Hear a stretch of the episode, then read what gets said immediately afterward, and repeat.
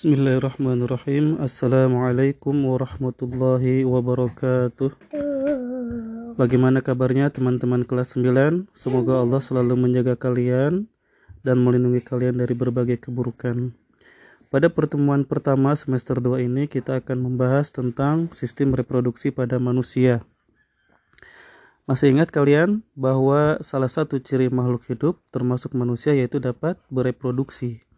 Apa tujuannya?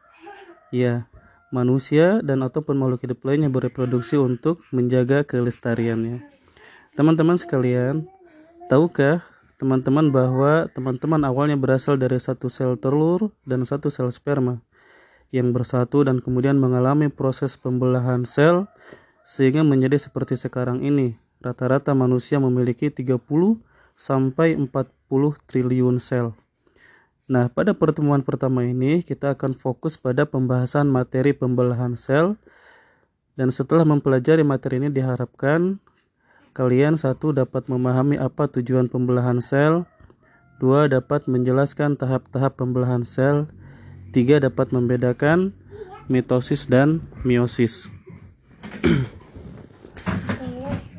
Apa tujuan pembelahan sel? Secara umum ada tiga tujuan utama. Yang pertama untuk pertumbuhan, yang kedua untuk mengganti atau memperbaiki jaringan yang rusak, dan yang ketiga untuk reproduksi.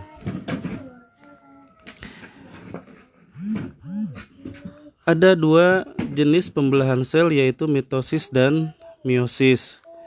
Mitosis merupakan pembelahan sel yang terjadi pada sel-sel tubuh manusia atau sel somatis. Tujuannya untuk pertumbuhan dan memperbaiki jaringan yang rusak. Mitosis terdiri dari empat tahap, yaitu profase, metafase, anafase, dan telofase. Secara umum, eh, masing-masing tahap memiliki ciri khas Misalkan untuk profase, ciri khasnya membran inti sudah mulai rusak menjadi bagian-bagian kecil atau fragmen. Pada tahap metafase kemudian kromosom akan berjejer pada bidang pembelahan. Kemudian pada tahap anafase, kromatid akan berpisah menuju arah yang saling berlawanan. Dan pada tahap telofase mulai terbentuk cincin pembelahan, terbentuk dua sel anakan, membran inti terbentuk kembali dan kromosom mulai memadat. Yang kedua yaitu pembelahan meiosis. Pembelahan meiosis merupakan pembelahan pada sel kelamin atau gamet yang sering disebut dengan pembelahan reduksi. Maksud dari pembelahan reduksi itu sendiri merupakan pembelahan sel induk diploid atau 2N yang menghasilkan 4 sel anakan haploid atau N.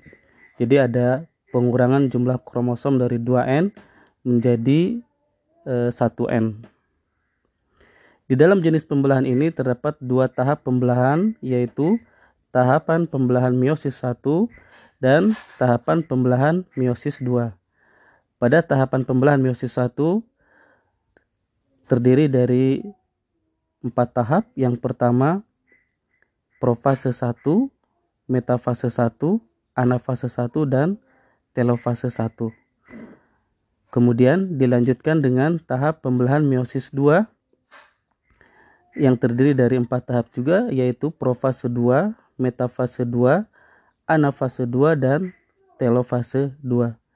Secara umum, ciri dari setiap tahap eh, pada meiosis itu mirip dengan eh, ciri pada tahap mitosis.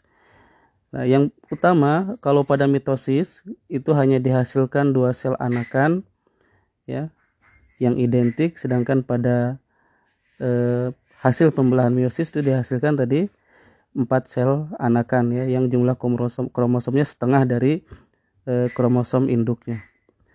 Ya, eh, untuk pertemuan pertama ini dicukupkan sampai di sini dulu. Kita lanjut nanti di tanya jawab pada sesi berikutnya. Terima kasih. Wassalamualaikum warahmatullahi wabarakatuh.